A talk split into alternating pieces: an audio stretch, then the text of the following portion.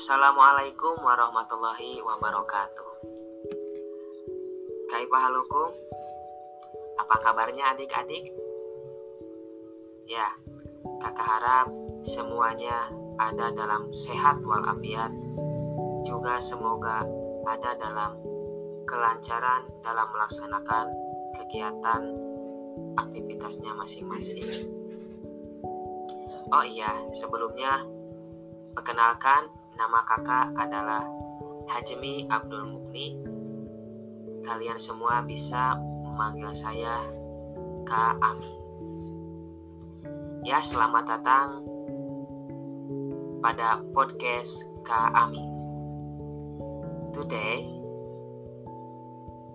hari ini kita akan menyiarkan sebuah kisah yaitu cerita kisah Nabi Adam alaihi salam.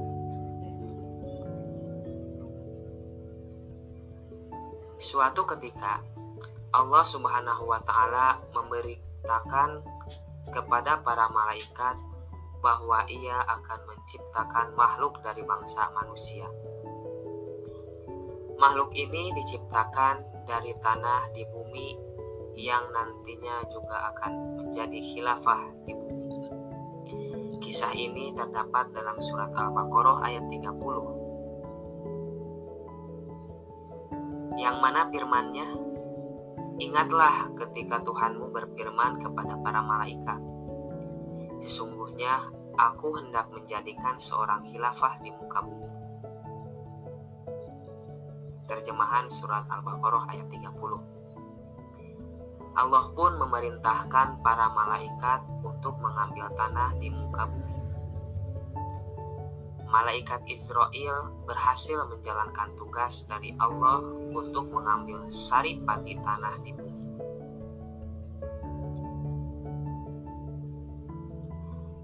Allah lalu menciptakan manusia sebagai makhluk yang paling sempurna. Manusia diberi akal, tubuh, dan jiwa. Allah melengkapi ciptaan itu dengan meniupkan ruh Nabi Adam. Saat ruh di mulut, Nabi Adam bersin sambil mengucapkan Alhamdulillah. Segala puji bagi Allah. Itulah ucapan pertama dari seorang Adam. Manusia pertama di Saga. Allah menyambut ucapan Adam dengan menjawab, Yarhamukallah. Rahmat Allah atasmu. Allah melengkapi Nabi Adam dengan ilmu pengetahuan. Para malaikat pun diminta untuk bersujud sebagai bentuk penghormatan pada Adam. Saat semua malaikat bersujud, ada makhluk berupa iblis dari bangsa jin yang menolak untuk bersujud.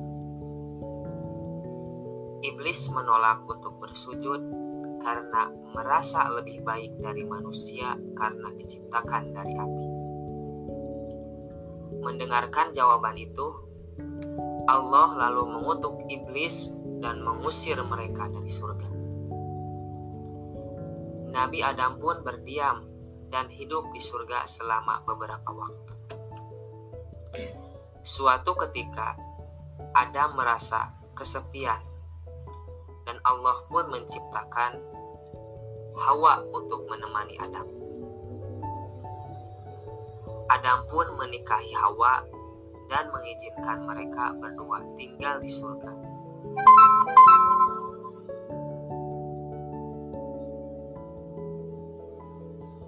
Dengan syarat tidak mendekati pohon huldi.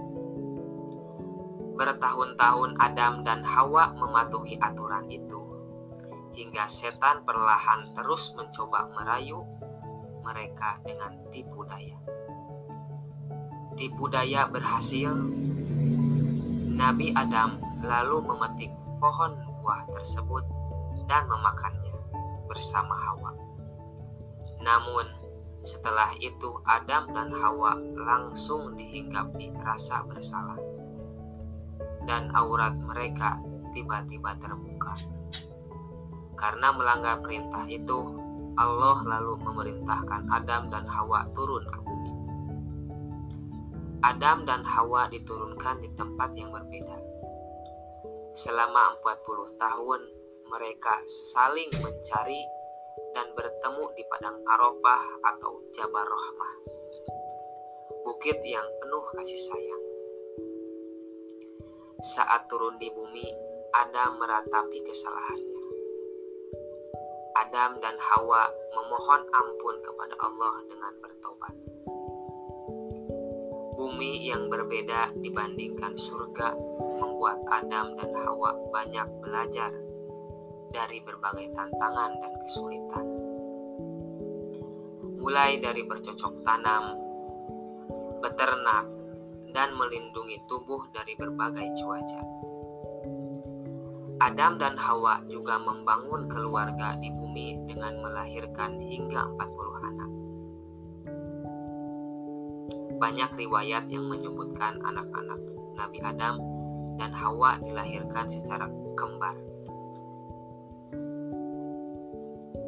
Dikutip dari Nabi Adam alaihissalam, manusia dan Nabi pertama di bumi oleh Abu Muhammad Bintang dan tim di Baro.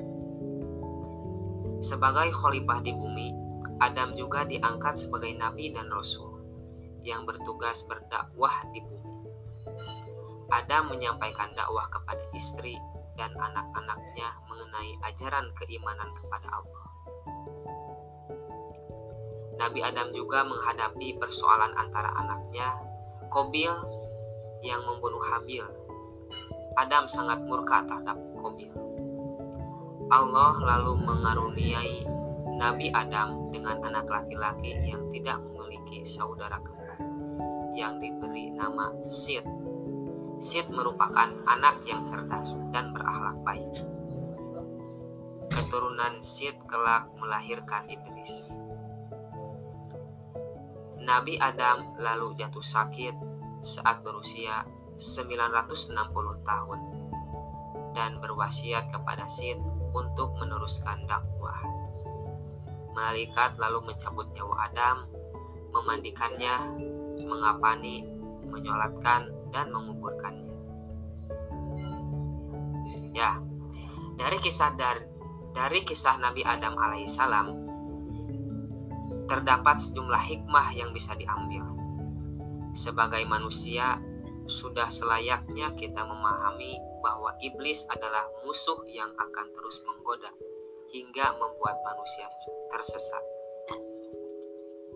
Tugas manusia adalah melawan godaan setan dan beribadah kepada Allah. Ya, mungkin itu yang saya sampaikan buat podcast kali ini next podcast insya Allah kisah-kisah yang akan datang, kisah-kisah yang akan menarik, terutamanya kisah Nabi dan Rasul akan disampaikan. Wallahu wal muwafiq ila aqwamit Wassalamualaikum warahmatullahi wabarakatuh.